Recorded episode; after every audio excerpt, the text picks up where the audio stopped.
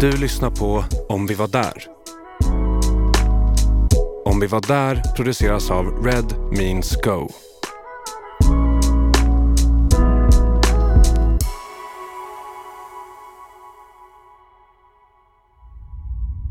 Året är 1650. Du heter Erik, men du kallas för Skeppsråttan. Den svenska flottan med flaggskeppet Äpplet i spetsen har drabbat samman med dansken utanför Öland. Efter en nära träff utav en av det danska skeppet Sofia Amalias kanonkulor har du fallit ner på det blodstänkta ekdäcket. Dina öron ringer. Erik!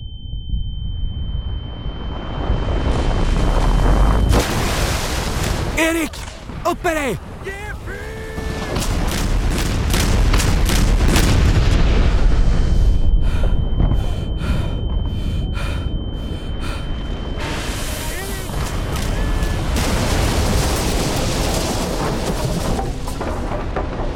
Det här har aldrig hänt. Vi gick in i det här avsnittet med tron om att Äpplet hade sett i alla fall lite action. Men chi fick vi. Faktum är att Äpplet aldrig användes i strid. Men det användes bland annat för att transportera trupper till Tyskland. Och en gång tappade man bort drottningen. Vi får också veta hur det egentligen går för den riktiga skeppsråttan, Erik. För han fanns faktiskt. Hur står sig Äpplet mot sitt systerskepp Vasa? Ja, det står upp i alla fall. Men vidare bra var det inte. Vems fel är det? Kan det vara Holland? I det här avsnittet ska vi lära oss allt om Äpplet. Och lite till. God lyssning.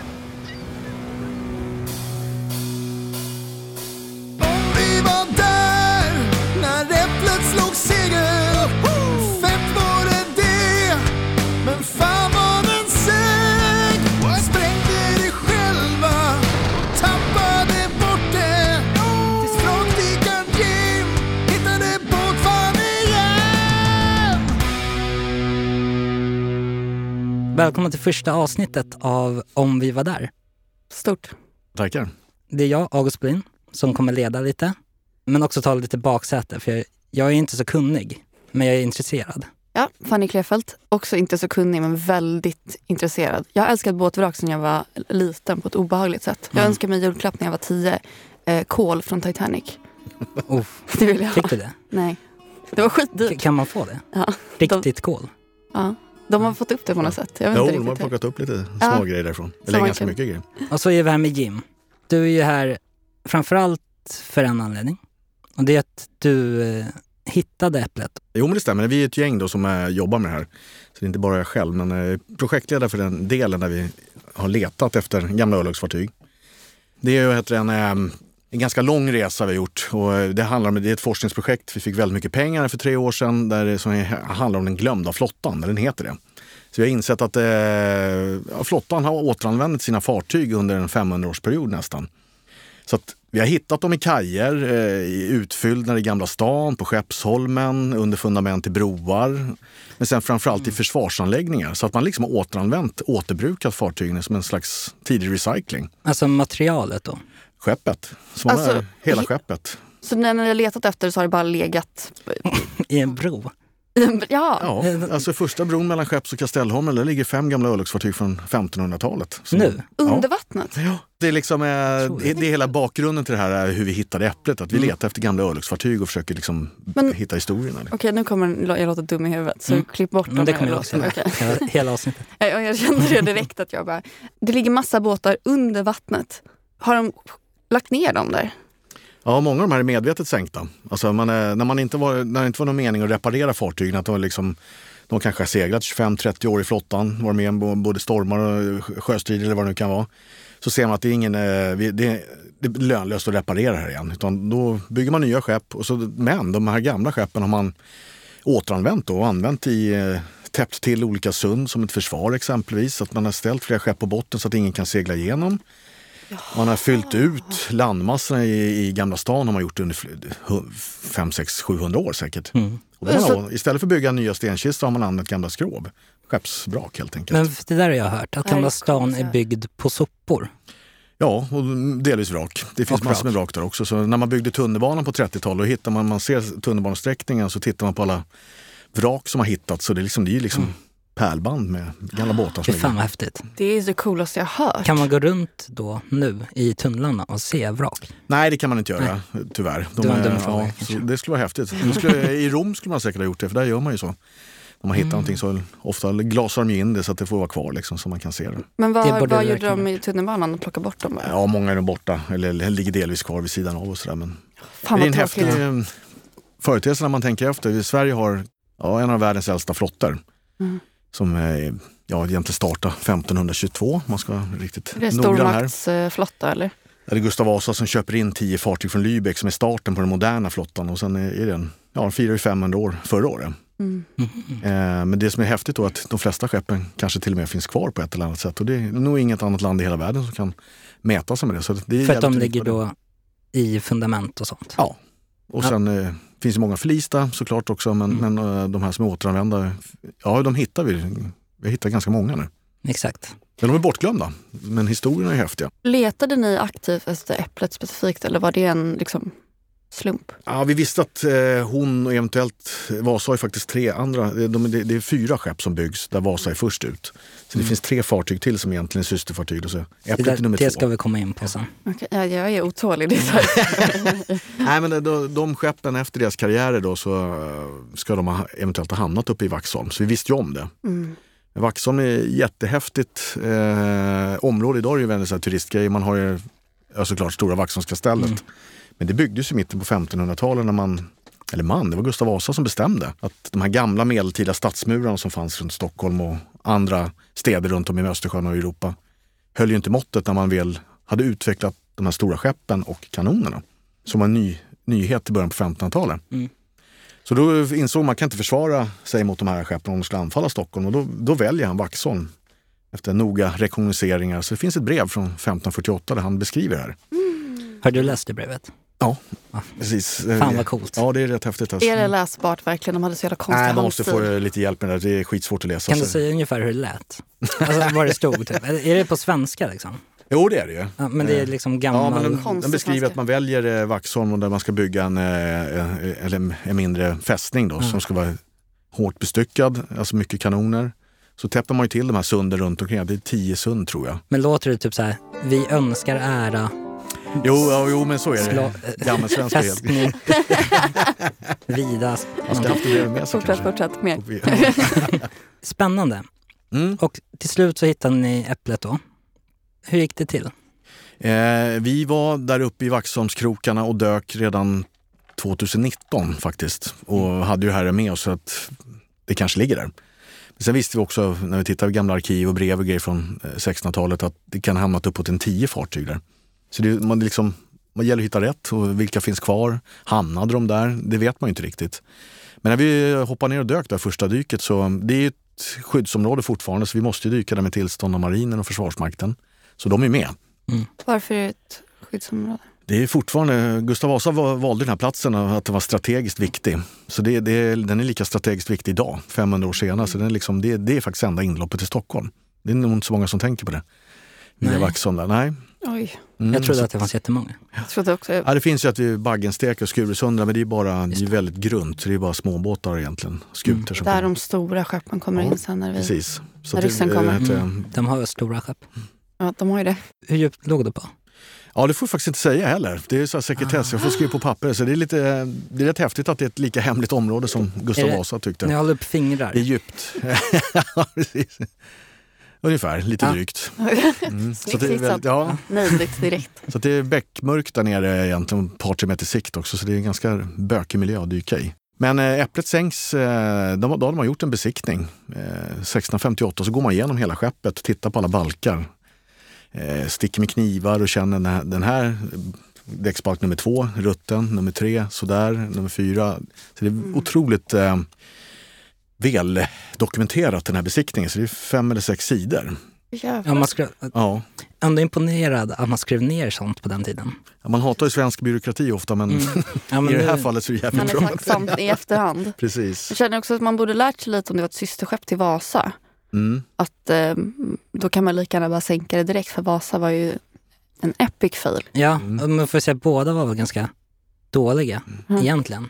Precis, men där, är, där, man, man, där måste man sätta in ett större perspektiv faktiskt. När det är Gustav II Adolf som håller på att lansera sig själv som lejonet för Norden. Stormaktsdrömmarna börjar dra igång med honom när han är 17 år, tonåring. Liksom. Han börjar bygga skepp och bygga upp armén och bygga upp flottan och sådär. Och eh, när han beställer de här stora fartygen så är det holländska skeppsbyggare som får kontraktet att bygga Mm på Blasholmen idag, där Grand Hotel ligger. Eh, de själva då var ju en stormakt, Holland, vid den här perioden i deras golden age. Och deras skeppsbyggare var liksom världsledande. Men de själva hade aldrig byggt så här stora fartyg till sin egen flotta. Och då hade man inga ritningar så man fick bygga på eh, erfarenhet. Och, och den erfarenheten hade de ju inte. Så att det är det perspektiv man ska se det i. De får en galen beställning egentligen och sen Mm. löst problemet. Men Så gör de det. Ja, de gör sitt bästa. Vasa blir ju såklart jättedåligt. Men Fina fin att titta på. Men, men, det var, men hur gammal var han när han la den här beställningen? Var han 17? Nej, han var no något äldre. Han var väl, eh, fasen kan det vara, 23? 22? Fortfarande dum i Ja. huvudet ålder. Ja, men varför tog man Holland? Nej, vi var allierade med dem, men sen var de ledande just då. Eh, De byggde eh, fartyg och var duktiga på det. Men var det inga som hade så här stora skepp vid den tiden? Eh, England hade det, men de hade samma problem. Det är det som också är lite kul i det här. Att de, det finns brev från, ett från 1634 när en engelsk amiral vägrar att segla ut utanför Themsen med ett nybyggt skepp.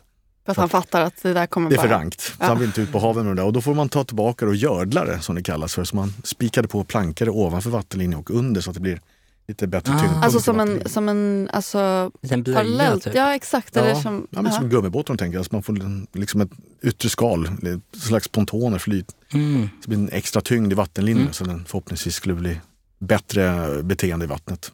Ah. Så att det är liksom en period där man försöker och testar och man vet inte riktigt hur man ska lösa det här. Sen har ju Gustav II Adolf också en idé om att han vill ha en enhetsbestyckning. Det blir väldigt nördigt här men Mm. På nedre batteridäck så har man 24-pundiga tunga kanoner. Det vill han även ha på övre batteridäck. Så att det är så mycket eldkraft som möjligt. Just det, för det ska Stora- så coolt som möjligt. Ja, men det, man kan dra samma parallell till Hitler när han bygger sina eh, Tirpitz och Bismarck, de här megaslagskeppen som Ja. är hur stora som helst. Inte speciellt bra de heller. Nej. Men de är stora och coola. Mm. Tunga kanoner. Liksom. Är- Inte så funktionsdugliga. Så att det där går ju igen. Det är maktgalna gubbar ofta som håller på med det. Märkligt nog. De här fyra skeppen byggs. Det är en form av utveckling. Man testar sig fram. Det är Har en kvinna stycken. någonsin beställt ett skepp? Nej, men däremot sålt eken till både Vasa och Äpplet. Mhm. Mm. Det fick vi reda också på när vi höll på med att jobba med det. Det är en Britta Båt heter de märkligt nog. Nej. Det är säkert, jag skojar fy inte. fan vad kul. båt Tack för att du sålde båt Så vår gamle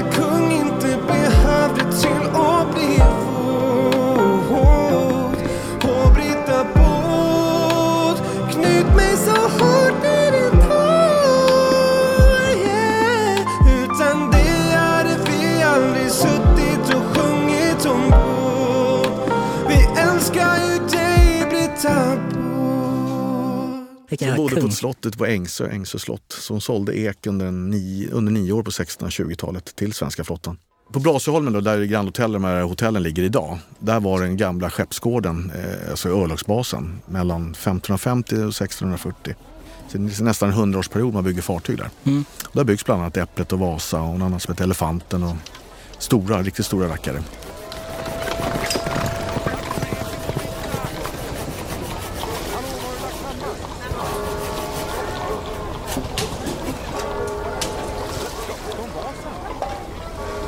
Men Elefanten. namnen, alltså Vasa är ju, säger sig självt. Ja. Men Äpplet... Inte så imponerande namn Nej. får man Nej, säga. är Alltså, många som inte tycker. Men de- det är också så här, de största eh, skeppen döptes efter Vasadynastin eller riksregalierna. Så eh, äpplet, det är egentligen det här guldäpplet kungen sitter och håller i, eller drottningen. Så att det är fem riksregalier. Det är svärdet, kronan, nyckeln, äpplet och sen är det skepter, det är spiran. Mm. Så det är de största, tyngsta skeppen döps nästan bara efter riksregalierna under 1600-talet. Så det finns flera äpplet. Det finns flera, finns flera Vasa också. Hur många Äpplet har man hittat? Två. Ett ligger i Dalarskans som sjönk där 1676. Men inte lika stort. Jo, men det var nog ganska stort också. Eh, Det, det är faktiskt. Jaha, Vad är grejen med Äpplet då? varför ska det här vara så speciellt? Det var ju största för sin tid då. Mm. Mm. Och sen bygger man inte så här stora skepp förrän för man börjar bygga nästa generation riksäpple och det är nästan 30 år senare. Mm. Men får jag fråga en sak om själva dykningen bara, när du hittar skeppet? Mm. Just det. Då är du nere, fri, alltså, jag försöker ställa den här frågan och låta så lite dum i huvudet som möjligt.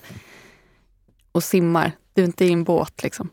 Nej, vi simmar. Ja. Du simmar ner. Mm. Och så ser du, det är kolsvart.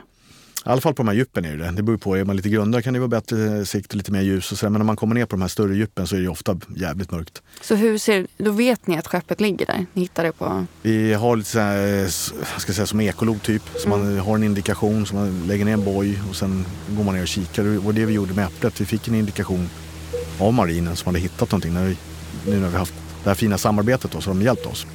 Och eh, då hoppade jag en polare ner. Första dyket vi gjorde där var Lucia 2021 faktiskt. Så de har vi kommit ner där så är det bara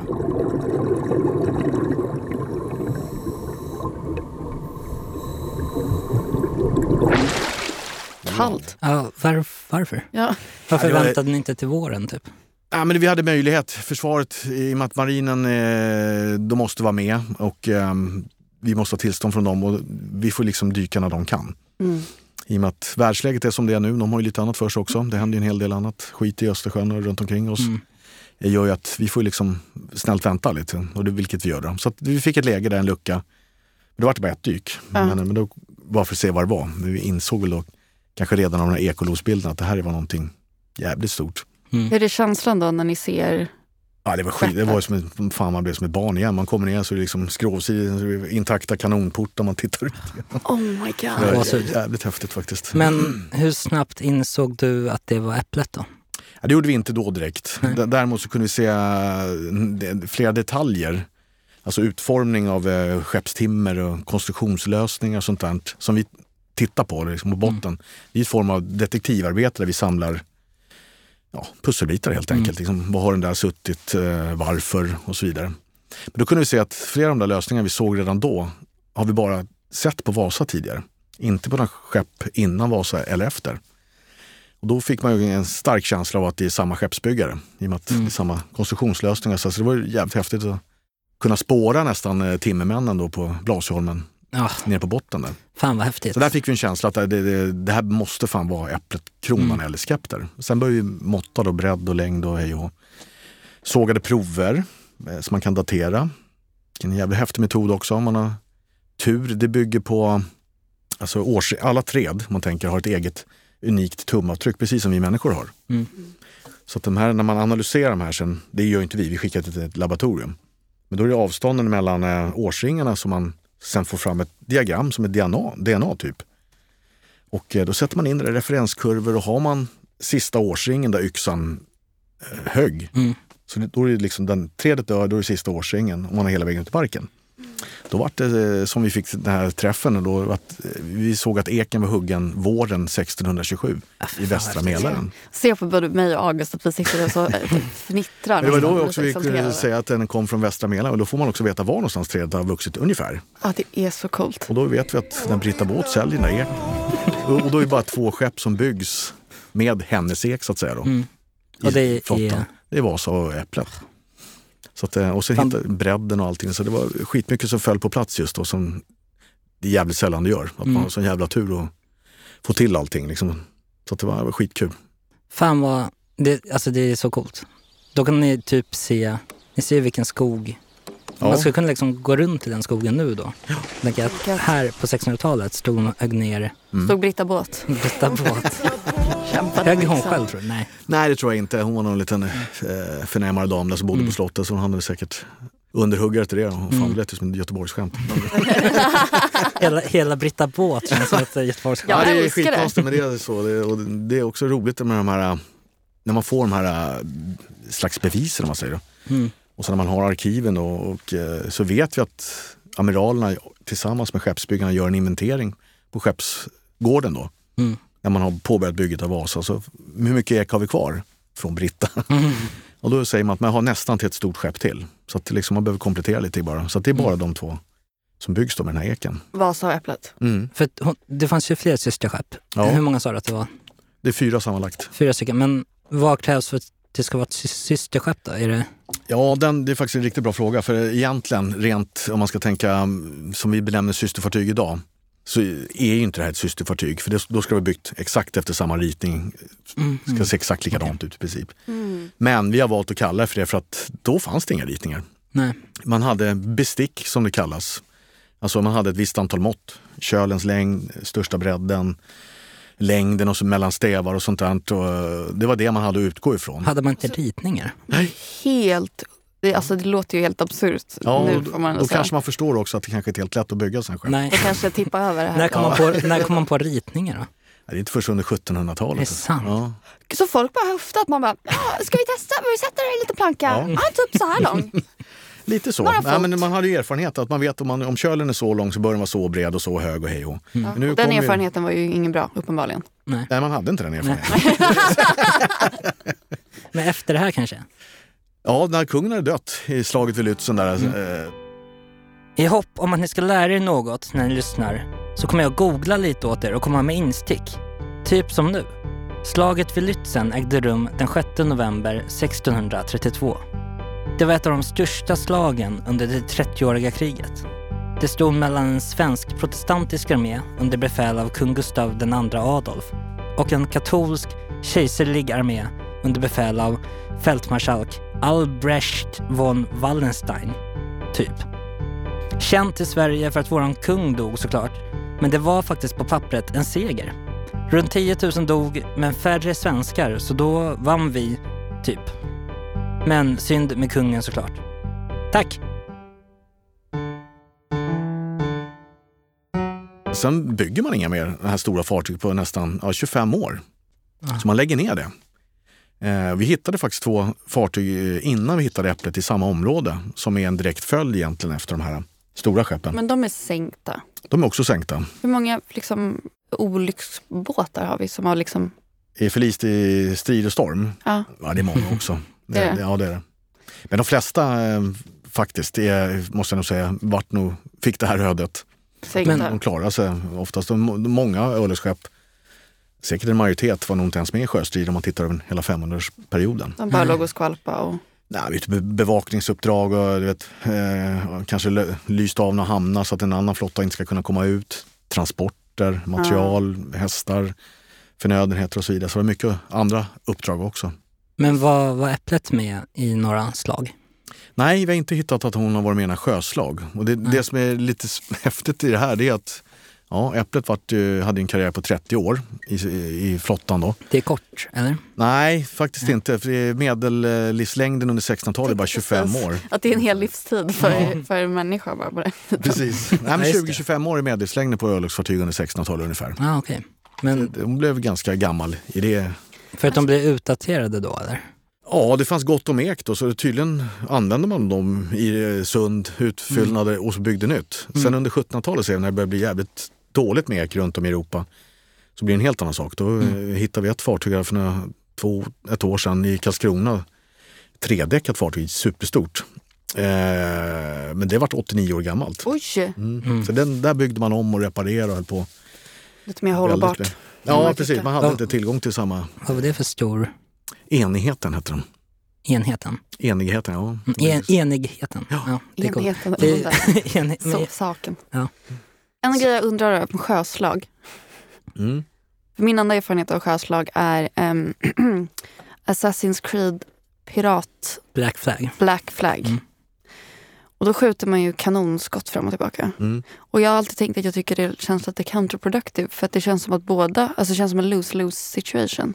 Mm. Båda, alltså hur ska båtarna, hur ska en båt kunna komma segrande därifrån om den har fått massa hål i sig? Ja, precis. Ja, det där är en lotteri. Sen, Ja. man, det var ju, vi vet ju att man, eh, om man säger så här, då, första hälften av 1600-talet så egentligen sjöstriderna syftade till, och även på 1500-talet, till att skjuta sönder riggen eller rodret och göra ett fartyg redlöst. Därifrån kommer det namnet. Mhm. Och sen äntrade man skeppet. Så att man kastade krokar, om man ser som Pirates of the Caribbean, och svingade sig över till andra skeppet. Ja, det gör man i Assassin's Creed också faktiskt.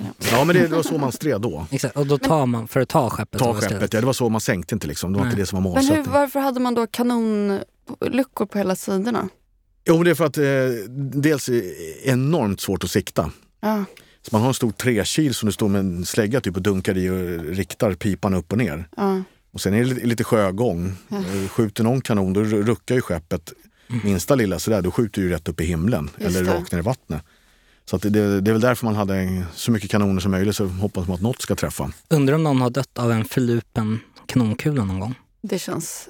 Någon som bara sitter i du råkar sitt, skjuta i en- sitt torp i skärgården Ja. och så är det precis. sjöslag en bit bort. Ja, exakt. Vad var det där för någonting? Jag måste gå ut och titta tror jag. Där, där, där. Vad ska skriker av?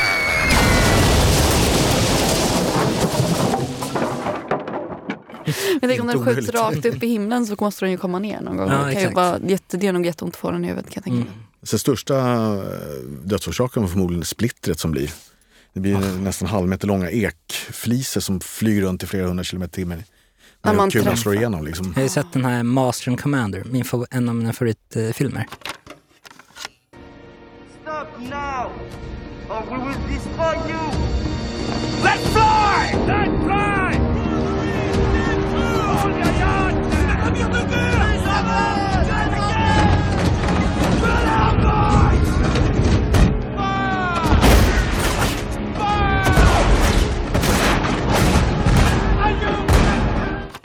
Ja, den är otroligt trovärdig. Ja, jag har hört det. Att den ska vara väldigt... Har du sett den Fanny? Nej men nu måste jag ju... Ja, den det måste du se. med Den är- Russell. Crowe. Det är en sann historia också tror jag. Ja, delvis sann är det, precis. Delvis. Om ett sjöslag. Nej, Exakt, delvis sant. engelsmän och fransmän som är jävligt spännande. Mm. Ja. De jagar varandra i hela filmen, två båtar bara, så inget stort slag liksom. Men det är två båtar som jagar varandra runt hela... Mm. Det låter inte så kul när du inser att det inte är något slag. Men Ja men det är Det slag mellan lite- de två. ja okej. Ja, men jag tänker att ett slag är flera båtar. Eller skepp. Jo. Och sen är man, andra hälften av 1600-talet, framförallt den där epoken från Master and Commander, då, Mm. då stred man i linjestrid. Det är då man seglar upp i två linjer mot varandra. Ja. Då seglar man förbi varandra och så skjuter utav Mm. helvete helt enkelt. Ja, och då måste ju alla förlora. Ja, Så sjunker ju båda båtarna. Ja, den som träffar bäst eller bäst. Eh, där handlar det om också att hitta, ligga i rätt eh, vindriktning. Ja, just Så det. de sökte ju och höll på, det, var ett, det är som ett schackspel nästan, liksom lägga sig i rätt positioner. Och sen eh, sko, så, eh, för då kan det som är kruxet tänker jag då med Mm. ett sånt sjöslag är ju att eh, båda kan, det kan ju gå lika bra för båda. Mm. Ja, det är många var ju oavgjorda. Liksom, Ja. Som du sa, vart Båda sönderskjutna riggar, man får dra sig ur. Och, och det blev ingen, någon som vann. Det är jätteofta. Men vad gör man om, om riggen är sönderskjuten? Ja, då behöver man ju hjälp. Eh, och det, många fick ju inte det. Liksom. Det, Då åker man bara iväg lite så långsamt. Hoppas att vinden kommer. Kom igen. nej, det finns enorma förvirringar. Sån här scen, det finns ju en senare, mycket kändare krona om man säger, som exploderar utanför Öland. Mm. Ja, det där har jag hört lite om. 1676. Eh, där är ju svenskarna, holländarna och danskarna liksom förföljer svenskarna lite grann. Och så helt plötsligt så får svenska flottan för sig att vända. Som kronan vänder då, då är hon ett av de största skeppen i världen just då. Mm. Men eh, man får in vatten i kanonluckorna, man hade glömt att stänga ner batteridäcken. Och så välter skeppet och någon lykta ramlar ner i krutturken och Oj. exploderar. Oj! Fan, det där känns som att det händer ofta för oss. 890 man dog Fan, det där. är mycket båtar som bara... Säg pang. Som att vi bara failat lite med Ja, det där känns stora så båtar. tråkigt med att det är en sån maffig båt. Att den ska bara, att den liksom själv, det är lite som ett självmål. Ja precis. Att det är bara så då står hela... danskarna där och tycker att vi är lite Ja, exakt. Alltså vi, skö- vi har skjutit sönder deras stora praktskepp Dannebrogen också så att det är nog 10 att tala tror jag. Men just det slaget det är väl... att de, vi har skjutit ner deras och våra egna. Ja precis. Det är så tråkigt. Men sen var det en enorm förvirring här och det är det man tänkte när vindarna kommer, när man börjar skjuta, det här Mm. Svartkrutet som är, det blir en enorm rök av det där. Till slut ser du ju ingenting, så man kör in i varandra och skjuter på varandra. Otympligt. Ja, för jag tänker när det har varit ett sånt där sjöslag. Ligger det då, eh, alltså om det är massa båtar, skepp. Mm. Ligger det då högar av sådana på botten där det har varit ett slag? Nej, det gör det inte. Det, det finns... eh, Skeppen oftast, eh, det är inte så jävla, sjunker inte alltid liksom.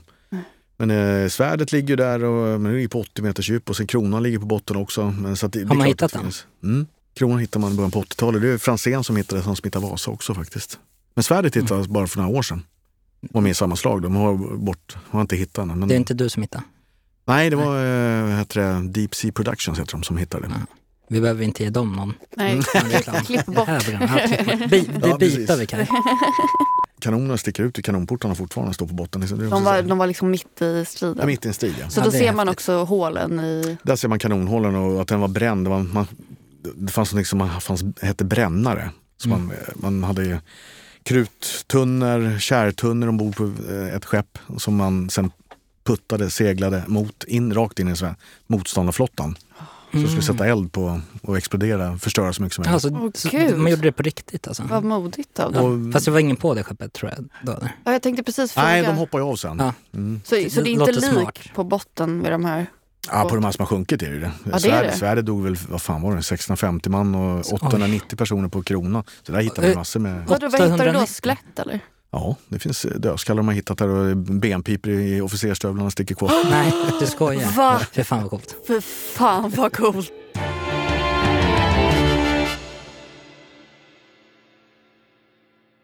Nu ska vi komma tillbaka till äpplet lite. Ja, ja. Det var inte med i några slag. Vad gjorde man? Under den perioden, nu håller vi fortfarande på eh, liksom försöker forska på äpplet. Vi har Mm. inte liksom hunnit gått igenom arkiven för äpplet specifikt, speciellt mycket. Det är ett enormt jobb att gå igenom alla de där grejerna. Men vad är det för arkiv man går igenom då? Krigsarkivet, Riksarkivet, det finns alla möjliga skeppsgård. Eh, ja, det, Är det handskrivna lappar då? ja, det är det. Så det är så här mm, värsta krusidullerna. det det är helt är omöjligt att läsa. Ja, det finns vissa som kan det. Så det vi, man kan läsa delvis, man vänjer sig, men det finns de som är riktigt duktiga på det där. Ja. Men det vi vet i alla fall, att när de här skeppen byggs och vi går in i 30-kriget 1630, då är Äpplet det största fartyget i den svenska flottan. Vi hade inga naturliga fiender till havs på Östersjön just då. Så det var mera trupptransporter, eh, materialtransporter ner till 30-kriget. Så 1630 vet vi att man med Äpplet och nästan ja, hela flottan lämnade Älvsnabben i södra skärgården och eh, Stockholms skärgård och drog ner mot Tyskland och landsatte alla 12 000 man, kungen. Och då var Äpplet med. Åkte kungen på äpplet? Nej, det är det eh, vi har. eh, Det är liksom det största, eh, praktfullaste skeppet, mest kanoner Mm. i hela Östersjön. Ändå väljer han inte det. Varför Det- inte? Ja, därför vi tror att Äpplet blev en dålig seglare. Så att man, han valde ett äldre, lite mindre skepp som förmodligen var snabbare och lättseglare. Aha, det var liksom inte så praktiskt. Det Nej, jag tror, vi tror i alla fall. Det är en teori vi har. Alltså, sen är, det är ganska intressant att varför använder man inte det liksom, nyaste, största? Ja, Jag tänker också att kungen vill sitta på ett lite coolare skepp. Han Mm, behöver inte ha så praktiskt. Nej, alltså- det, tydligen så, Så var det så i alla fall. Kolla ner på folk från liksom, relingen. Precis, Ja, i sitt stora, stora skepp och titta ner på sina undersåtar. Det hade jag valt. Det hade jag också valt. Året För- efter kör man en samma resa. Där finns lite stories vi har hittat som är lite roliga. Då, ja, själva transporten över i, med, ed- med material och förnödenheter och manskap. Men eh, då ska även drottningen Maria Eleonora följa med och hälsa på kungen och som har stannat kvar och övervintrat nere på, i Tyskland. Eh, men när de kommer fram då, eh, hela flottan, så saknas drottningen och hennes skepp. Som vi sen så Och hon var inte heller på äpplet då? Nej, Nej. men Äpplet får sen i uppdrag tillsammans med tre andra fartyg att leta efter drottningen. Så de hittar henne fyra dagar senare på Öland. Va? Så de hade råkat ut för en svår ond storm, stod det i det här brevet. Och de har tagit skydd där. Eh, så det är jävligt roligt. Men, Det är så speciella tider också att man inte kunde ringa, nej. inte kunde skicka ett sms och säga att det var lugnt. Ja, men det är också speciellt att man inte... Jag tänker om man som flotta ska transportera drottningen Ja. till kungen, då borde man ändå ha ändå stenkoll på Ja, det borde varit någon skepp. mer som borde tittat på det skeppet. Mm. Det, Då det, förstår man kanske hur svårt det är att de skingras, eh, blir blåser lite, man hamnar på olika ställen. Vissa är snabbare, vissa är långsammare. Det gick liksom inte att hålla ihop. Nej, för jag tänker att när en flotta åker, att man åker så här, man kan vinka till varandra. Typ. jag tänker mig också, jag tänker att det är som eh, när fåglarna flyger i en sån trekant. Ja, att man, de, de har ett system och ett mönster och alla har, vet sitt jobb. I praktiken vill man ha det så, men i, eller i teorin. Men i praktiken blev det uppenbarligen inte så. Utan det, ja, vissa skepp var ju bättre än andra. Och kan man- Känslan också att bara tappa bort att folk bara, var är... Ja, Carl viktigaste. Gyllenhielm var ju riksamiral och halvbror till Gustav Adolf. Mm. Liksom, Carl Carlsson Gyllenhielm, född 4 mars 1574, död 17 mars 1650, adlad Gyllenhielm 1592, friherre 1650, militär fältmarskalk 1616, riksråd 1617, statshållare över Ingermanland 1617 också. Mm. Riksamiral 1620, utomäktenskaplig son till hertig Karl och frillan Karin Nilsdotter. Ja, ja, det var Karl Karlsson Gyllenhielm.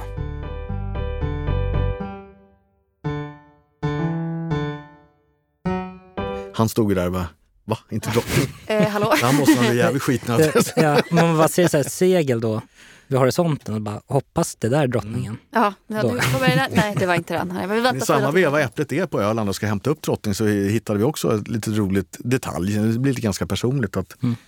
En vanlig båtsman som heter Erik, hans smeknamn var Kabyssråttan. Ja. Han rymmer från Äpplet. Eh, han var återfallsförbrytare visade sig sen. Men de hinner upp, de hittar honom på Öland i alla fall. Tidigare har han snott någon jävla skjorta av någon båtsmanskompis. Nu har han snott någon, koppar, någon kopparskål eller någonting. Så han döms till döden. Oj, Ja.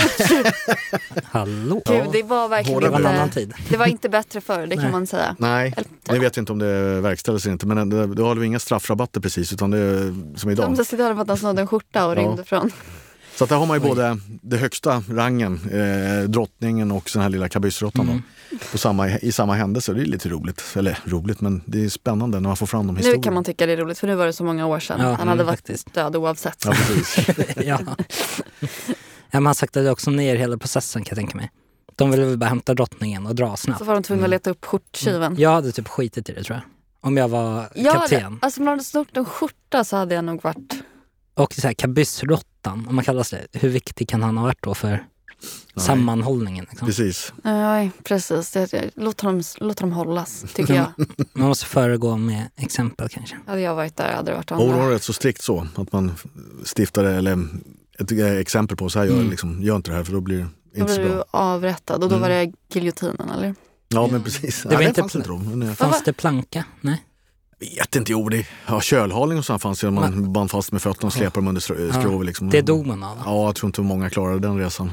Det var då Mm. man sitter, hänger under båten. Ja, de drar den från sida under, från sida till sida liksom. Alltså du är spänd, så här, Ja. armarna så och benen ihop. Och sen så drar de dig Från varsin sida ja. ja, Mm. under skeppet. Så du liksom. kommer upp på ena sidan får lite luft och sen åker du tillbaks Mm, till fast andra. jag, för jag såg ju en serie, Black Sails. Mm. Eh, där gör de det.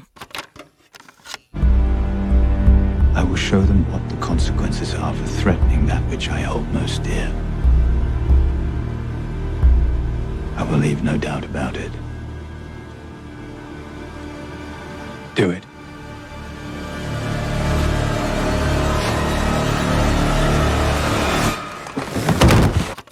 Det handlar om att under båtarna så är det mycket så här snäckskal och sånt. Så, alltså sylvassa liksom, Ja, så det blir som liksom... sätter sig. Så det blir som att dra någon över en osthyvel. Åh!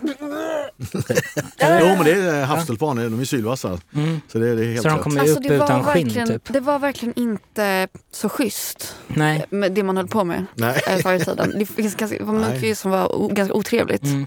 Det känns tungt att eh, kabyssråttan kan ha Utsatts för det. utsatts för det. Mm. Men ja, det men finns då kan inga... han veta att hans minne lever vidare idag Mm. och vi är på hans sida. Ja precis.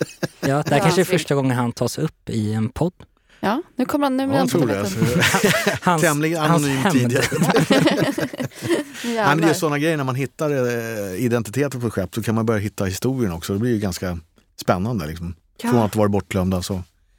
Så, alltså, men, men eh, ja, Äpplet, eh, hennes historia, så hon var ju med i några vänder. Vi vet att hon skulle, heter det, hon var på väg ner till och skulle eh, stänga ut den danska flottan i Köpenhamn. Då han, innan de kom fram så hann det bli freden i 1645 För i att äpplet var Västfalen. så långsamt. Nej, men det var nog Sög. eh, inte just det då. Men, men sen så är det där igen, de här praktskeppen. Det heter han, amiralen eh, Claes Fleming skriver någonting till kungen sen, eh, att de här stora skeppen ligger mest och ser sirat ut. Vilket menas med att de, de ligger bara mest vid kaj och ser snygga ut. Mm. Ja, det Liksom var lite så. ämnen. Fleming, är det därifrån vi har fått Flemingsberg? Det vet jag faktiskt inte. Kan det vara? Det skulle kunna vara. Nu har vi googlat. Flemingsberg är döpt efter Flemings gård. Flemings gård är döpt efter Henrik Flemming. Henrik Flemming är Claes Flemmings son, så ja, det stämmer. Men det är inte det sjuka. När vi googlade så upptäckte vi att Henrik Flemming var tillsammans med Ebba Erlandsdotter Båt. Båt. Vi kan en till båt va? Britta Båt. Tack för mig. Flemingsgatan finns väl? Ja, det är samma. Fleminggatan, ja. Jo men det är nog, ja precis. Mm. Jo men det, det är det. Torstensson och Torstenssonsgatan och Det är båtpersoner. Ja, det är en eh, fältmarskalk i 30-årskriget som heter Lennart Torstensson. Baner, Johan Baner, också en härförare på 30 30-årskriget. Banergatan. Också klassikern Armfält, Armfält, ja precis. V- Vilken plats? Armfältsgatan. Mm. Ja, ja, never heard of. Karlaplan typ. Han, eh, ja nu hamnar vi på mycket sidospår, men han eh, ledde återtåget när Karl XII blev skjuten i Norge. Så över det svenska fjället, över Duved och Åre där. Ja. Där det dog 3000 karoliner på Då var det Armfälts Mm. karoliner, så han ledde dem då. Gud, jag har saknat eh, sån här historia. Det var mitt största intresse när jag var liten. Och Jag tycker har det är skitspännande. Jag tycker så. Jag inser, det här är en comeback för mig. För, Mm. för, Mm. Tillbaks till, det var mitt favoritämne i skolan när jag var liten. Så jag har glömt bort det, men nu känner jag direkt att eh, Kul. jag har Mm. många sidospår jag vill dyka Hur såg livet ut på, som besättningsman på Äpplet? Ja, det där är ju någonting vi håller på att forska i och det finns ju en hel del gjort. Min kollega Patrik Höglund har doktorerat i det här livet ombord. Mm. Eh, Hur man bodde och levde. Och det där är ju ganska karga förhållanden. Liksom man hade hänga upp en liten hammock eller en sov någonstans. Man sov bredvid kanonerna på däck och en, det fanns ju liksom inga toaletter och sådär.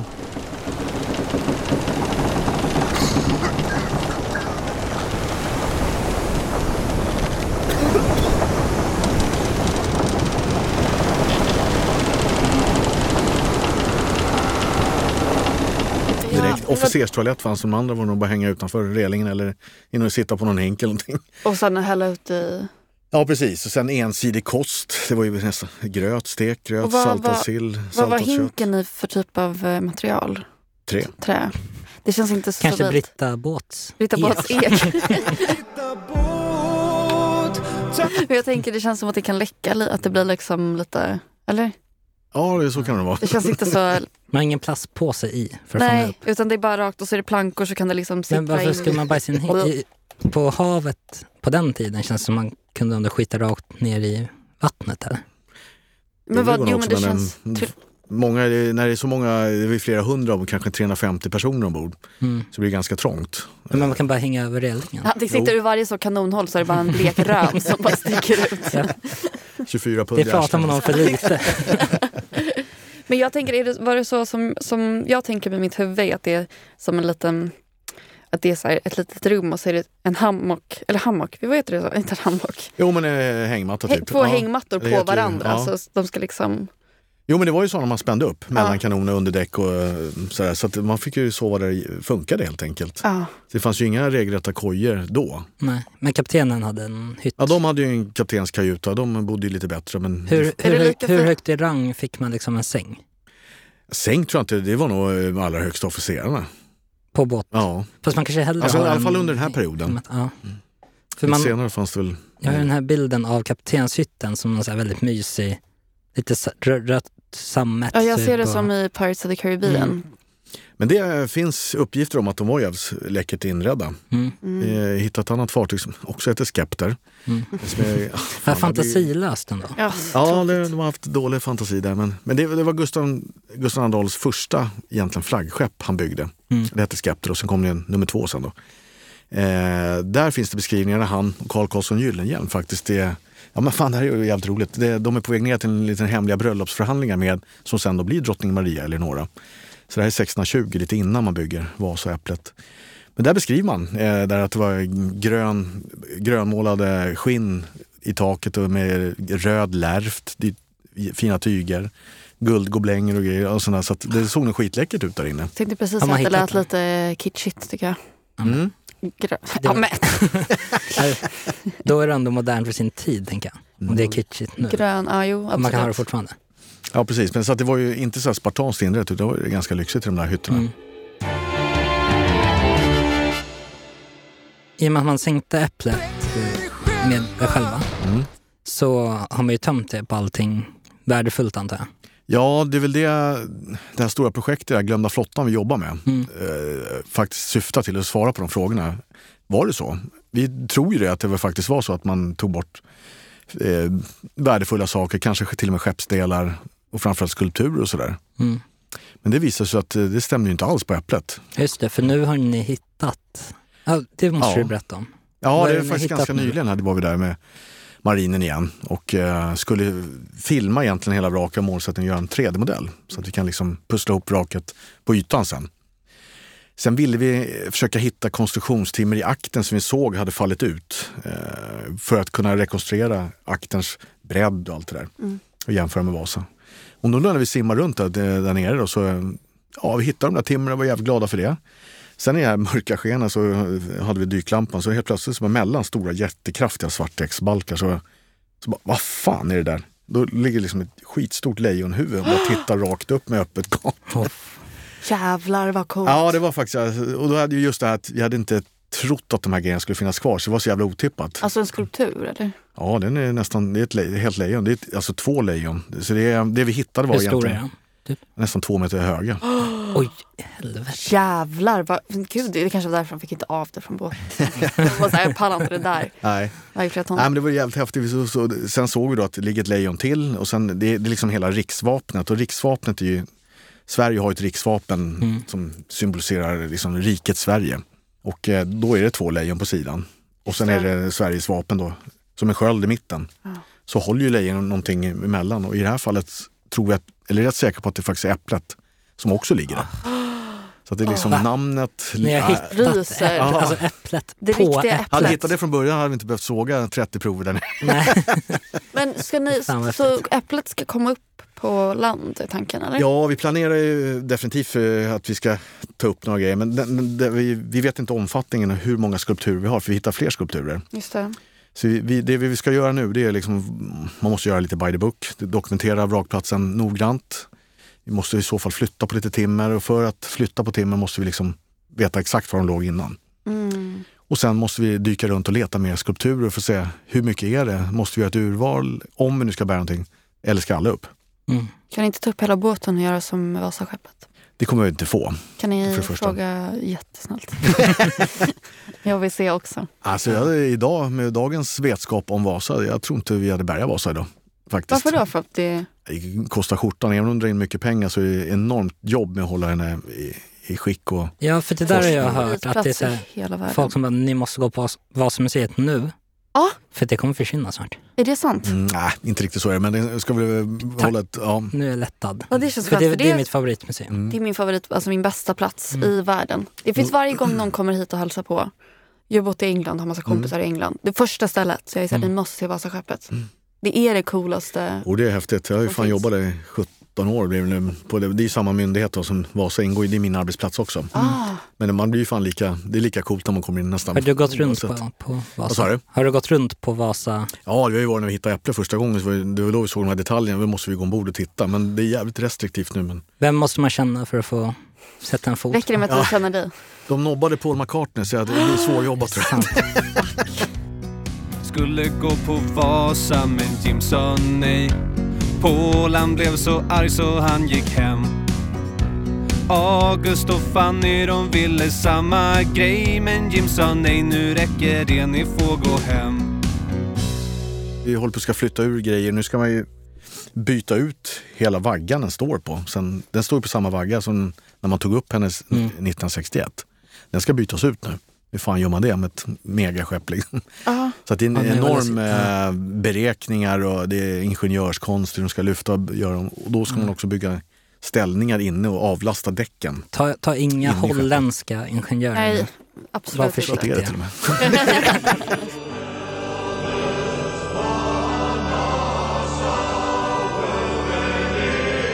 Nej, så det är ett jättejobb så att hålla det i schack då. Men, äh, äpplet kommer få ligga eh, som vraket på plats. Fan. Men vi har ju det nya vrakmuseet som jag jobbar mer kopplat till nu. Där eh, använder vi ju 3D-metoder att bygga upp vraken. Du kan dyka i dem i VR-brillor. Och, så det är Wow. ganska häftigt ändå. Fan, det är så synd att vi är Studiebesök dit. Ja, det måste det gå. Inte vara där. Va? Det var väl- väldigt länge sedan jag var på museum. Mm. Ja, det är dags. När de började ta betalt igen. Ja, jag vet. Så slutade jag. Ja, det är så Fast jag varannan betalar mandatperiod. Vasamuseet. Så Exakt. Så efter nästa val, då, får vi se. då kommer vi dit. Vad- Nej, Men men de här dit ska figu- figurerna är ju otroligt spännande. Vi Mm. pratade ju tidigare om att Äpplet och Vasa, de här fyra skeppen, är ju propagandaskepp. Mm. Och det är, de här skulpturerna sitter ju inte där för skojs skull, utan det är ju ett symbolspråk, ett maktspråk. Så det är ju en del av hans propaganda, de här figurerna. Men kommer de komma upp på Vrakmuseet sen då, eller var ska de ta vägen?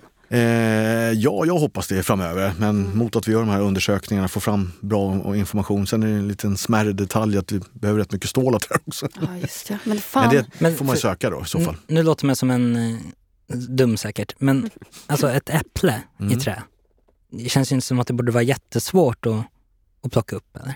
Nej, det är det inte. För Det ska tillstånd. Det är Länsstyrelsen som beslutar allt det, så de måste godkänna och eh, säga ja. Men då måste man ha en bra plan för att det här äpplet vill vi inte bara ta upp och visa, åh häftigt, så ett halvår senare ligger det i en magasin Nej. eh, och ruttnar någonstans. Eller, så får det inte bli. Utan man måste ha, det ska vara en plan, du ska kunna bevara det här för väldigt lång framtid. Mm. Kan man inte återskapa havsbotten på något sätt i ett litet akvarium? Och sen lägga alla vrak där. Lägga lite bitar av vraket kanske i alla fall. Ja, fast det har vi redan. Ja, nej. Jag har ett litet akvarium med- på Vrakmuseet, där ligger skeppsdelar från äpplet just. Som man kan titta på. Okej, jag måste dit. Jag måste dit omedelbart. Mm. S- Springa. Ja, men det, det, det är häftigt. Sen hittar vi en annan skulptur som är, vi tror, eh, när vi hade Vasa bara, så har vi det maktspråket, alla skulpturer där. Det är romerska gudar, eh, grekiska, nordisk mytologi, läskiga, det är drakar, allt möjligt. Man förnedrar den polska adeln med en hopkrupen gubbe under en balk och så vidare. Så det är liksom? Här- Van, det är en, varför då? Nej, men det är bara för att visa att Sverige och kungen är överlägsna alla andra. Det är, så det, känns det igen från andra världskriget typ? Mm. jag, Samma tänker skit, på, liksom. jag tänker det är mycket, mycket populärkulturreferenser för mig. Jag tänker på statyn på ministeriet i Harry Potter när Voldemort tar över. Ja. Lite vilken jag menar? ja, jag vet vilken du menar. Med, med mugglarna. Mm. Ja, men det där, så är det väl på Vasa också, har jag för mig, att det är några gubbar i kläm. I kläm? Alltså som står och håller upp någonting och sånt där. Ja, det, det gör. Men det står och håller upp eh, kanske under lår, det här låringsgallerierna Mm. på sidorna. Och det är väl det när vi hittar en figur nu som eh, står och håller upp ett stort klot. Mm. Eh, samma placering på Vasa så sitter det en grekisk hjälte som heter eh, Herkules. Mm. Men den här som håller klotet på samma plats på äpplet är nog Atlas, en grekisk titan. Och det här är skitspännande för, för att de ingår i samma myt. Det är en grekisk myt som är flera tusen år gammal. Eh, Atlas fick ett straff att hålla hela världsalltet ovanför huvudet. Det är det det här klotet symboliserar. Herkules lurar honom. Jag kan hålla i det ett tag om du kan sno tre gyllene äpplen av nymferna. Vilket han gör. Och sen när han kommer tillbaka med de tre gyllene äpplena så tack, säger eh, Herkules och så får jag lämna tillbaka klotet. Så han får förbannat behålla det straffet. Så att de ingår i samma myt men sitter på varsitt skepp på Gustav II Adolfs propagandafartyg. Vad betyder det där? Ja. Det är det, varför sitter Atlas som snor gyllene äpplen på äpplet exempelvis? Så, Det här vet vi inte men det är ju jävligt spännande. Ja, jag. oj, vad spännande. Jag hade för mig att han var en liksom, hjälte. Ja, han är en hjälte. Men, också eh, fitta mot Atlas, eller? Ja, mot Atlas. Och Atlas hade väl inte gjort något så bra för sig innan då, genom att han fick det här straffet. Mm.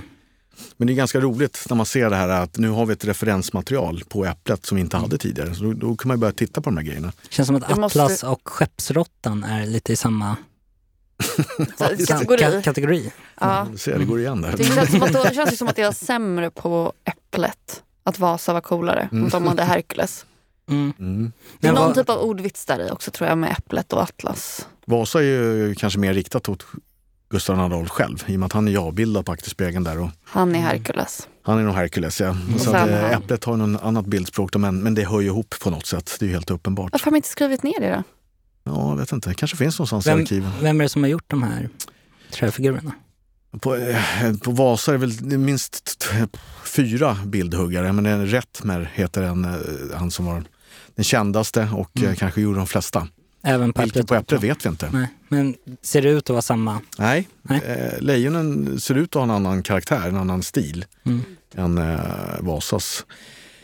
Vad vi tror just nu, men vi måste ju undersöka dem bättre. Men det vore också skitcoolt att spåra Mm. eh, bildhuggarna. Liksom. Vem är det? det är liksom en konsthistoria också. Ja, verkligen. Verkligen. Fan vad, det är så häftigt sånt här. Jag försöker lista ut eh, Atlas och Herkules, jag har inte släppt det. Ja. Jag tänker knäcka det här och nu. Tyvärr så fick vi inte veta vad det var för ordvits som Fanny satt och tänkte på. Men det kanske kommer i framtiden. Vem vet? Alltså, det ligger andra eh, större skulpturer än gubbar som inte vet fortfarande vad det är för någonting. Så att det, Som också ska berätta någon historia eller? jo, men de sitter ju inte av en slump. Av någon, någon form av symbol, symbolik är det ju. Men hur, jag tänker att det kanske var tydligare konst på den tiden. Typ nu kan det ju vara så här Abstrakt. Ja, Mm. exakt. Och så, så man, beskrivningen av konstverken är alltid så Mm. fullkomligt obegripliga. Men då kanske på riktigt fanns alltså, Mm. En röd... Förlåt alla konstnärer nu, jag menar inte... jag ä- ä- älskar konst, jag bara menar att... eh, Fast den här bananen som någon tejpade fast på Ja, men det är precis det jag menar. Det är inte så att någon skulle hitta det nu och, eller om hundra år och bara oj, det här betyder nog att de var inte så hungriga. Så de, alltså, det, det säger ju ingenting. men, men då är de det liksom... Mm, just bara de här typ, eh, där vi hittar de här i den miljön, kontexten på de här fartygen så är det ju något helt annat liksom. Exakt. Hörde ni om han som tappade sina glasögon på en konstutställning? Nej. Och alla trodde att det var ett konstverk. De låg liksom på golvet.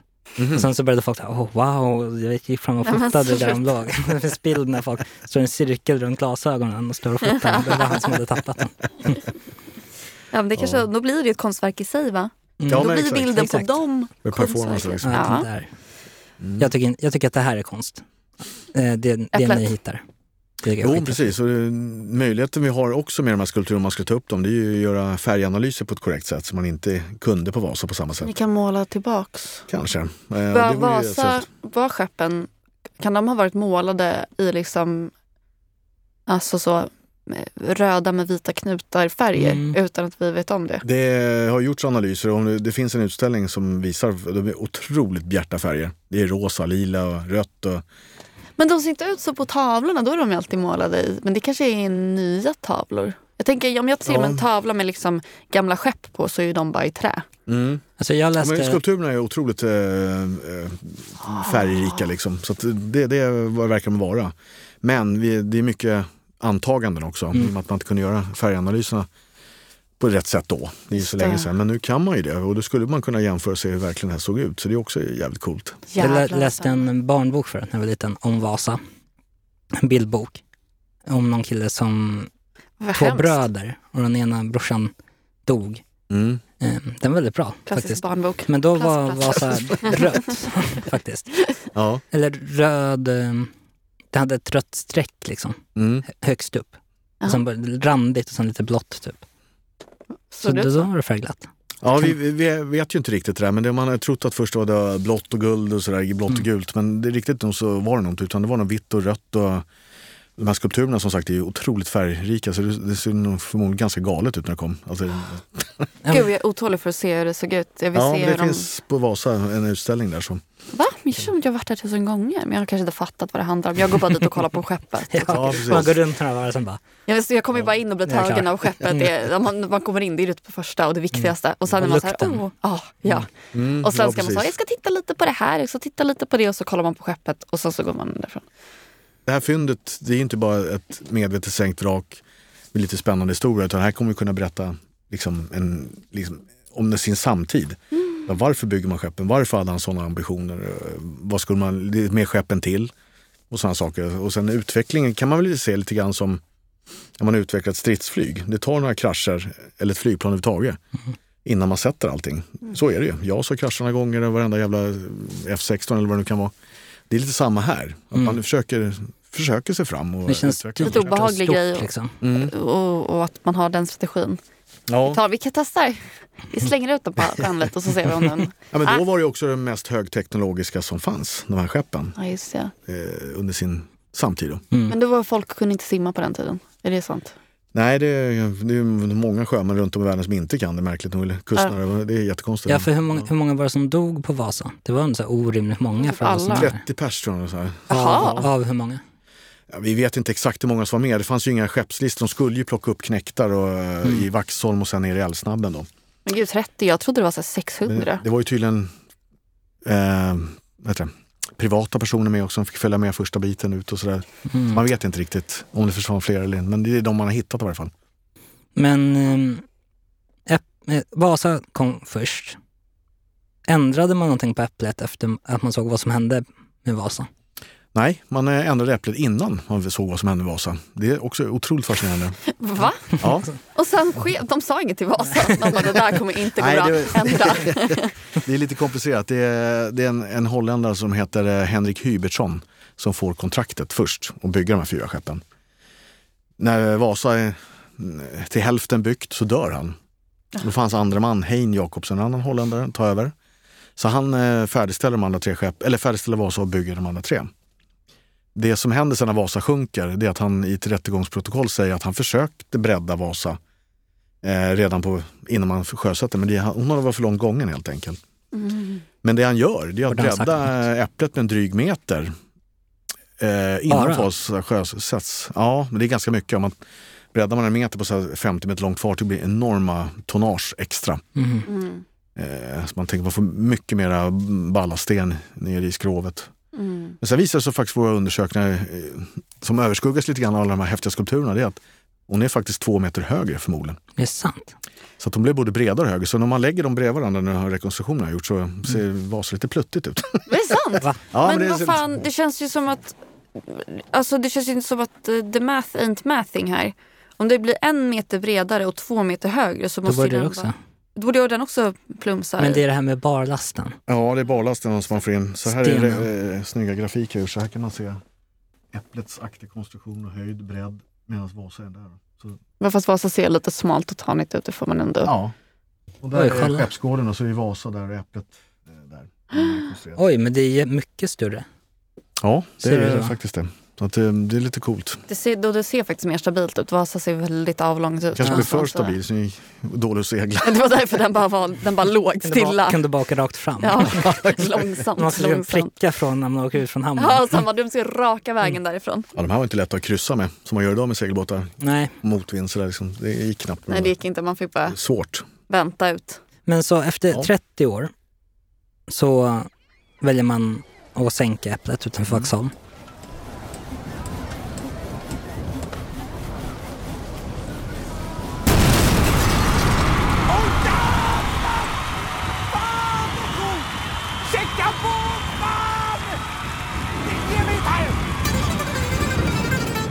Och vad hände sen? För att sen letar man efter äpplet då. Nu låter det här lite fördomsfullt mot, mot er dykare såklart, men det tar ju ändå ett tag innan man hittar det för att ha Mm. sänkt, sänkt det själva. Liksom. Ja precis, men det är så många skepp som är sänkta med flit. Och det beror på vad man har för målsättning med vad, vilket skepp man ska hitta. Och nu har vi fått en möjlighet med det här stora projektet att göra systematiskt. Mm. Men sen i och med att det ligger där det ligger så är det ju ingen som har fått dyka det någonsin. Mm. Och eh, vi fick faktiskt avslag från början. Vår myndighet fick nej att dyka där. Sen lärde jag känna lite rätt folk inom flottan. Och så, här, så ja, kom vi in lite den vägen och då eh, lyckas vi eh, få dyka där. Och då får man börja leta på, ordentligt så att säga. Och då hittar vi det. Så man har vetat länge att det ligger typ där.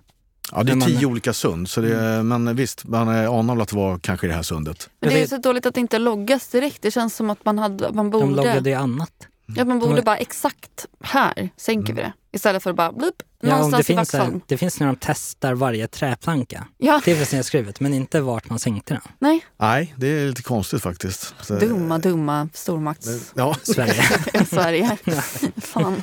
Ja, men det, ja, visst, det har tagit lång tid att hitta det såklart. Men det har liksom, eh, jag tror också att man ska tänka så här. Den moder, eller mod, marinarkeologin som ämne. Som, eh, arkeologin har ju funnits i flera hundra år egentligen. Landarkeologin. Marinarkeologin började egentligen med Vasa. När Mm. dykningen kom slut, ja, mitten av 50-talet. Sen när Vasa bärgas så blir hon, det blir jättefokus på det. Mm. Eh, och då liksom, man har ju haft jämnt skägg att få ihop det museet, pussla ihop hela skeppet, berätta den storyn.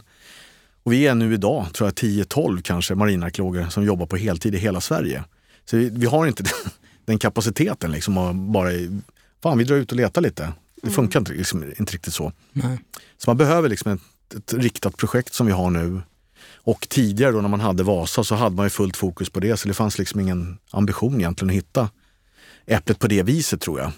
Men vilken är, om man frågar, nu har ni hittat äpplet och nu håller ni på mycket med det. Mm. Men finns det något skepp som är så... Det här är det nästa stora. Vart fan är det här skeppet? Många av de här kändisarna är ju hittade men det, det är klart, de andra två systerfartygen ska också ha hamnat där någonstans. Det vore ju sjukt kul att hitta dem. Men sen finns det en Lybska örn, ett 15-talsskepp ska ha sjunkit ner i södra delen av Mysingen ner mot Nynäshamn där. Det ska vara kul att hitta. Ja, det sjönk av misstag.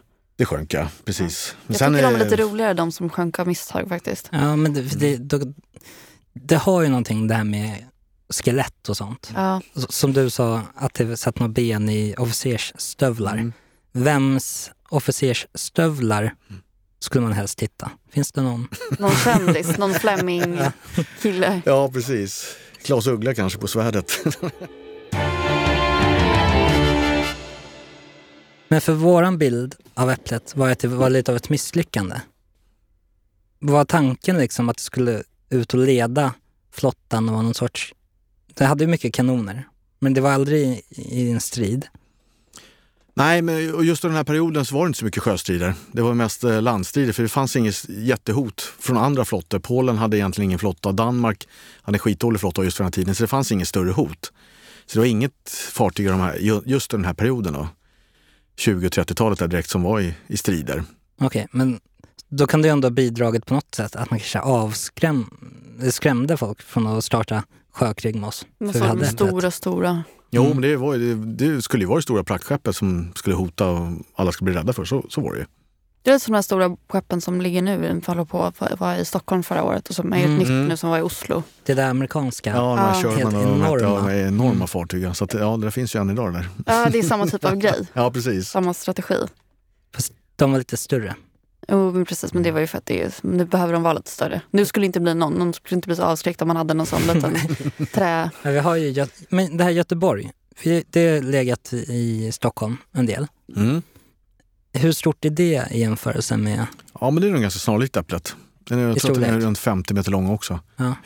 Så att det är väl någonting i den stilen. Fast Akterkastellet har vi mycket högre. Mer, mer som en skateboardramp upp, om som Vasa typ sådär. På, Svänger upp på på äpplet. Äpplet, ja. ja. För så, det är lite mer den gamla modellen. En Mm. galjon. Ja, en galjon, ja, exakt. Är, är det det? Ja, det är det. Det skulle man nog benämna det som en Kolla på fartygstyp. dig Ja. och båtorden. Alltså, jag kan inte blir det. kunna någonting. Här kan jag gå hem. Ja, Verkligen. Herregud. ja okej. Så det är en galjon och det andra är en uh, fregatt.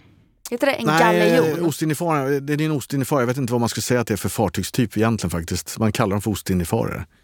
Som byggdes ju för att resa jorden runt egentligen. Mm. Men eh, det är hundra år senare lite drygt hon byggs. Så det, är, det, är, det har hänt mycket på fronten och på att Mm. bygga skepp. Men så det längsta äpplet har seglat, det var till Tyskland då? Ja, ner mot Danmark. Hon har nog inte varit utanför Östersjön vad jag känner till. Men det var nog inte den svenska flottan alls just för den här perioden. Hade man inga sådana Danmark. kryddskepp och sånt? Vad sa du? Hade man inga så här kryddskepp som åkte över till... Nej, det har ju inte riktigt kommit igång det där riktigt.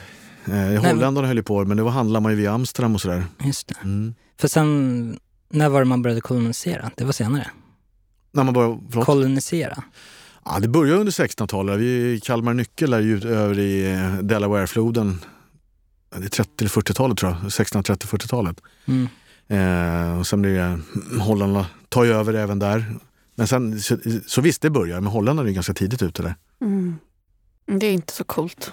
Nej, det är mindre coolt i historien. Han, det här är en riktig bärsa holländar-podd. Mm. Ja. ja, de tycker vi Fuck inte om.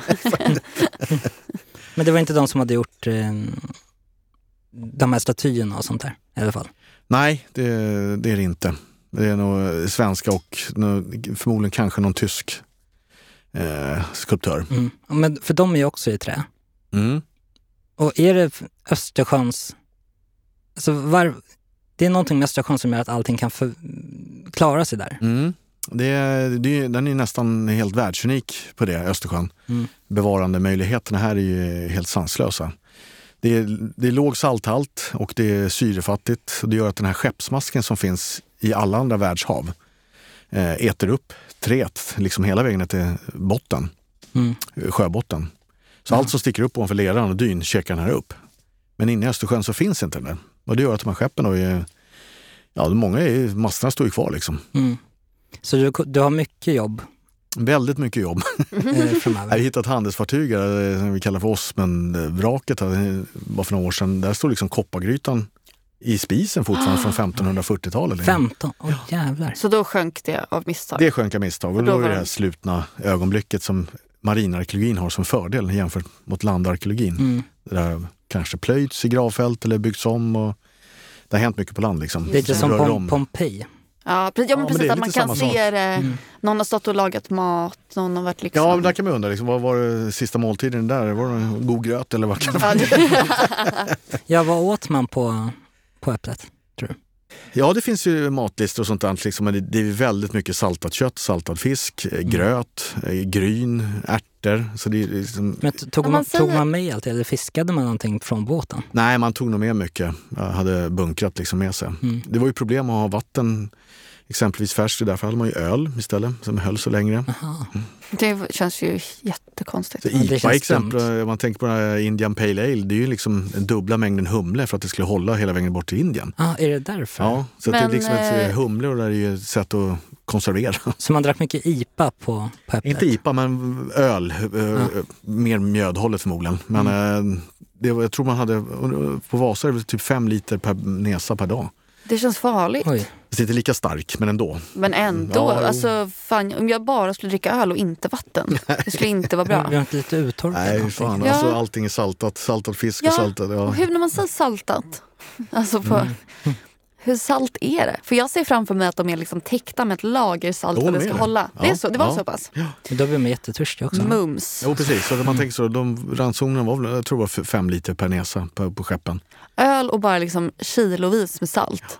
De lev, därför de inte levde så länge. Nej, precis. Men sen under 1600-talet vet man också att skörbjugg dök upp redan när man började tappa tänderna. Det var ensidig kost. Så då visste man att som hållarna kunde importera lite citrusfrukter och grejer, att det funkade. Men jag förstod inte varför. Men, Man behövde bara blanda ut lite. Jag har ja, men det lite C-vitaminer kan ju vara bra. Men det visste man inte då. Men nej, potatis fanns inte då. Ja, det var innan potatisen. Oj. Ja, för jag, för jag Tänk hört- att saker har varit innan potatisen. Ja, men det var väl för att den kom från, uh, uh, vågar inte gissa varifrån. Uh, Nej, men det är väl Sydamerika det är därifrån. Är inte det från början? Ja, det kan det vara. Ja, då ska vi googla lite igen då. För 10 000 år sedan odlade inka-indianerna papa, som var en eh, tålig gröda högt uppe i Anderna. Potatisen gav makt och välstånd. Man tillbad till och med en potatisgudinna. Ja, ja. På 1600-talet tog de spanska erövrarna potatisen till Europa. 1600-talet hörni. Potatis i Europa. Det vet jag faktiskt Nej, jag, jag, jag min, koppling jag till skörbjugg Det är potatis. För jag tänker att folk åt jättemycket potatis när de fick potatisen för att den var så bra och höll sig så bra på båtarna. Mm. Så fick alla skörbjugg för att de hade så mycket potatis för de tyckte det var smart. Mm, Nej, här var det gryn och eh, gul, gråärtor och... eh, Gråärt. Ja. Det låter inte jättegott. Låter Nej, pissäckligt. precis. Så här, man stekte gröten som blev över också. Så hällde man på lite öl och få lite torrt, eller så att det inte blev så torrt. Och, så det var, det var väl ingen trerätters Ingen- Michelin-guides-käk precis. Inte en liten sushi. En pizza. Men när börjar man grilla? Det hade varit en bra grej, tänker jag. Men det kan man inte göra på... ombord. Ja, Jag det känns lite... Men hur lagade man mat då? Ja, man hade ju en byssa, men det var ju oftast när man låg vid ankar exempelvis. Vi fick inte röka ombord, det var också dödsstraff och sånt. Dödsstraff. Alltså de var verkligen behövde chilla med dödsstraffet. Det måste man ju ändå... Nej, men då, då kunde ju liksom inte släcka, blir det eld, då är, eh, brinner sådana skepp upp ganska En snabbt. liten cigarett på båten och det är över. Det blir kölhalad så, hyvlad till döds. Nu har vi googlat. Och eh, cigaretten uppfanns på 1600-talet i Spanien. Spanien gör det igen. Så 1600-talet i Sevilla, cigaretten uppfanns. Va? Då kan man göra upp äpplet. Tack för mig.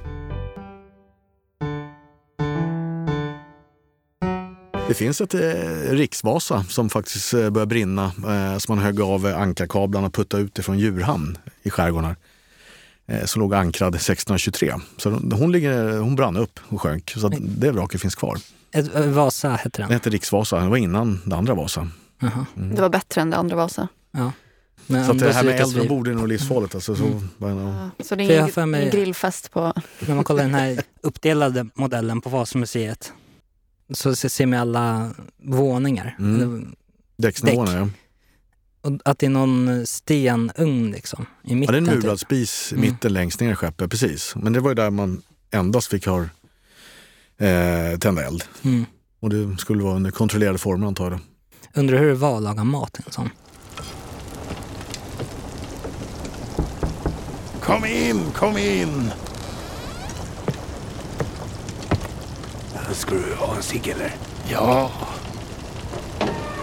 Dödsstraff! Paniken konstant. Puls. Ja, precis. Don't fuck up. det ser ganska mysigt ut när man kollar på, på den där modellen. Men tänk att du blir avrätt, du blir kölhalad om du gör minst ett snedsteg. Ja, fast en kocken känns som en ganska viktig roll. Eller? Ja, men om du Mm. fuckar upp som kock. ja, precis. Ja, men en gång. Vem ska ta över då? Råttan liksom. Ja, det- han är ju också kärlhalad. Ja, precis. Har Vart är råttan? Ja just det. Nej, ja, fan han är också där under. Det är bara så ett led, det går inte att kölhala för alla sitter fast så. Ja, det är ju spännande tanke på det här livet ombord. Man pratar ju lite grann om skepp och så här, som att det är liksom ett minisamhälle som speglar samhället Mm. i stort. Så här. Men det är, det är ju ett militärt samhälle i så fall. Så det är ju hierarki och rangordning där. Fick man ha kvinnor ombord? Eh, nej, inte under strid. Eh, det, det fanns förordningar för sånt. För att de var häxor eller otur? Helt, eller helt odugliga. helt odugliga? de var Nej, men det, det finns eh, skrivet. Men sen har det funnits kvinnor ombord. Det fanns ju på Vasa exempelvis. Ja, De sjönk. det. Ja. Ja, det var Men, de eh, som ja. man kunde vaska. Du ser. Men hade man ett mynt under masten? Nej, det är också, jag har jag faktiskt aldrig hittat. Vi brukar alltid kolla, men det har vi fan aldrig hittat. Så jag vet, det har hittats någon gång, men det är nog säkert någon senare grej. Inte Okej, den här det här har inte jag koll på. Man, innan man sätter ner masten Ja. i masthålet Mm. på båten så la man ner ett mynt har jag hört, för Mm. tur. Jo, det, Men det var Stämmer. inte sant. Nej. Eller, det, det, det kom senare då? ja, jag tror det. det inte, vi har aldrig hittat det, så jag vet, jag vet inte. Det är möjligt att det har hänt, men det, det är ingenting vi hittar var och varannat vrak. Liksom. För det gjorde de med den här barnboken om Vasa nämligen. Mm. Ja, det, jag är faktiskt lite chockad över att det finns en barnbok om Vasa. Det känns så grovt. Mm, det var jättefin. Eh, Vad fin. jag kan kolla om jag hittar den, då kan du få låna den. Ja, jättegärna. Det här är fina teckningar. Ja. Sorgligt. Var, har du varit inne i Äpplet någonting? Kan man liksom... Ah, det är sånt jäkla bröte som ett plockepinn upp. Mm, Alltså de här övre, ö, översta däck och överst, övre batteridäck har ju ra, rasat ihop. Okej. Så det är väldigt eh, rörigt. Så man kan se in under däck, man ser att däcksplankorna försvinner in under men vi är inte där under rota liksom. Men det är lite farligt också. Ja, Ja. precis. Så Men det, det, ni kan se in, ja, man kan se in man- under däcken. ni kan se däcksnivån. golvet och, Ja. och liksom... Har ni sett något coolt där då? Nej, vi har inte hunnit så jäkla mycket tyvärr. Det låter ju skittråkigt men Mm. eh, vi har bara varit där, det är inte många timmar sammanlagt vi har varit på botten. Nej. Så att vi, det är därför vi vill tillbaka då och kika på mer detaljer och sådana saker. Men kan ni skicka in någon liten robot eller något som kan titta där det är farligt? provade det med marinens undervattensrobotar där men eh, det var så dålig sikt och svårt och det är lätt att fastna med den istället. Ja, och den är också ganska dyr. Jag Den är ganska dyr. Jag tänker lite som de gör i Titanic. Exakt det jag när de åker runt Mm. med en sån med klo. Ja. Ja men det var sån vi hade, det är en ROV kallas det för. Har du kört? Fick du köra? Ja vi har en sån också, så det är Ja. lite så här som tv-spel, de sitter och kör. Mm, fan vad coolt. fan vad coolt! Ja, det där är min alltså, dröm. Jag kan sitta i bikini och köra och kolla på Ja, glaset. exakt. Och bara, mm, jag är vrakdykare. Jag, jag hade velat vara en sån liten eh, ubåt. Med Mm. en sån glaskupa. Det gör de också i Titanic, gör de Mm. inte? Mm. Exakt. En stor, den har också klor tror jag. Ja. Oh, coolt. Skulle du vilja dyka vid Titanic? Ja det skulle vara jävligt häftigt, Mm. det, definitivt. Men där kan man inte vara utanför bå- mm, båten. Eller. Nej det ligger väl på 3800 meters djup Mm. tror jag. Så, det, Så du blir krossad om du hoppar ut? Ja det blir nog ingen höjdare. Imploderar. Obs! Det här spelades in innan Titan faktiskt imploderade i närheten av Titanic. Så nu eh, vet vi hur det kan gå tyvärr. Det dykarsjuka och sånt. Är det någonting ni behöver oroa er för med Äpplet? Ja, det är all dykning. Eh, All dykning, är- alltså är man under 10 meter så samlar man Mm. på sig kväve. Just det. Vi andas ju, när vi sitter så här och pratar och surrar här med varandra så andas vi ut våra avgaser, kvävet, hela tiden. Men under tryck så fastnar kvävet i vävnaderna i kroppen. Mm. Så eh, har man varit ner för länge så samlar det på jättemycket kväve och då måste man gå upp väldigt långsamt. Frigörs de här gasbubblorna, kvävet, för fort så åker de ut i, i- i blodet och kan täppa till. Mm. Ja, man kan dö helt enkelt. Få en propp någonstans. Mm. Så det är liksom jättenoga att man vi har tabeller, vilket djup, hur länge får vi vara där eh, och sådana saker. Sen ska man gå upp med en viss tid för att det liksom inte gå upp för fort och inte gå upp för sakta heller. Så att, Men det gäller inte om du åker med med en så båt till Titanic typ, för då regleras trycket. exakt, då har man ett konstant tryck hela vägen ner. Det, och det, man man kan väl jämföra så här, från, noll till, från ytan ner till 10 meter. Om du har en ballong som är 5 liter, Mm. drar du ner den till 10 meters djup så är det bara 2,5 liter. Så den trycks ihop där nere. Men båda är helt tomma. i- Ja, men om du har en ballong, En den, den krymper. En Den är- ballong den som är på 10 krymper. meters djup redan så har den tryckts upp till hälften. Va? Alltså om du tar en ballong med luft Mm. och sen drar du ner den under vatten. Ja, då kommer den krympa ihop till hälften. Mm. Men hur? Hur? Om det inte kommer ut någonting? När den trycks ihop Och till slut kan den gå Ah. sönder. Då. Men, och då, om du tänker tvärtom, om du andas där nere, dina lungor måste ju ha vad heter det, fem liter luft varje andetag ungefär. Mm. Så andas du där nere, håller du andan på 10 meter då och går upp till ytan, då kommer du expandera åt andra håll istället. Det blir 10 liter, då kommer lungorna explodera. Oj. Oj. Så att det är liksom, ja, man förstår tryckskillnaden. Så det, Men dykarklockor, ja, funkar de? Ja, men då, har man, eh, då beräknar man ju liksom en, nästan en tryckfallssjuka som det heter. Mm. Och då dyker den. Du vet att du samlar på dig alldeles för mycket kväve. Sen eh, kommer du få ligga i en tryckkammare ganska många timmar eller flera dagar. För det var så man, eller hur hittade man, nej, med äpplet, då, nej det dykarklocka kanske var tidigare, eller? Ja, du tänker på de här man, och Vasa. Vasakanonerna? Ja. Ja. Ja, det är en, okej, du tänker sån dykarklocka. Ja, det är som en kyrkklocka. Ja, egentligen. exakt. Ja, där man står i. Ja, det borde ju funka tänker jag. Jo, precis. För Då trycks ju luften ihop och sen andas ju samma luft eh, hela tiden. Mm. Eh, så att där blir det ju farlig luft till slut i och med att det blir ingen syre. Syre. Kan man inte ha en lång skorsten då? Ja, fast jag orkar ju inte trycka ur luften. Nej, men som går in i dykarklockan. Ja, då måste ha någon som pumpar där uppe. Man kan inte bara ha ett hål. Nej, Inte som en så jättestor snorkel bara. Ja, exakt. våra lungor orkar inte dra ner luften och orkar inte blåsa ut så då kommer bara gamla luften åka upp och ner. Precis, har du för lång snorkel när du snorklar, Ja. också jättefarligt. Så är den för lång, då orkar, om man är barn exempelvis har en vuxen snorkel så Kan det vara farligt?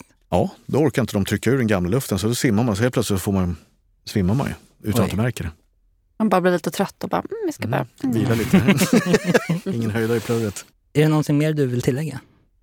Eh, nej, men jag hoppas på att vi kommer komma med mer information och kanske kommer att kunna återskapa hela skeppet sen. Så det kanske vi kan få återkomma med. Ja, då kan det Oh komma en. Äpplet del två. Ja, Jesus Christ. Fan vad spännande. Coolaste jag kan tänka Ja, jättehäftigt. Tack för att ni var med. Det var jättekul. Thank you. Tack så jättemycket för att du fick komma hit. Och eh, tack för att ni lyssnar. Så ses vi nästa gång. Det var det för den här gången. Nästa avsnitt kommer att ha ett helt nytt tema. Så har du några förslag eller önskemål så är det bara att höra av er. Och det kan ni göra till mig på Instagram. Det heter Agge i huset. Podden är inspelad hos Red Means Go i Fredhäll i Stockholm. Står du i poddtankar så är det här den absolut bästa studion som finns i hela världen. Otroligt ljud, otroliga producenter. Redminsgo.se hemsidan. In och kika där om du är sugen. Nu vill jag också passa på att tacka Kyle, poddens producent och trubadur. Och han ska få avsluta och sammanfatta lite vad vi har pratat om idag med en låt. Varsågod Kyle. Så mycket kul vi haft och vi har hittat på Men tiden går så fort, vad har vi lärt oss då? Bryta båt, du var en jävla bus Tack för allt min vän. På havets botten vilar du. I din nya skjorta skeppsråttan. Ditt huvud är någon annanstans. Och Paul, min vän, i nästa liv. Är du så välkommen ombord? Det finns inga vinnare i krig. Tack för att ni lyssnar på oss. Lyssna på oss. Lyssna på oss. Då är du nere, fri, alltså, försöker ställa den här frågan och låta så lite dum i huvudet som möjligt. Och simmar. Du är inte i en båt liksom.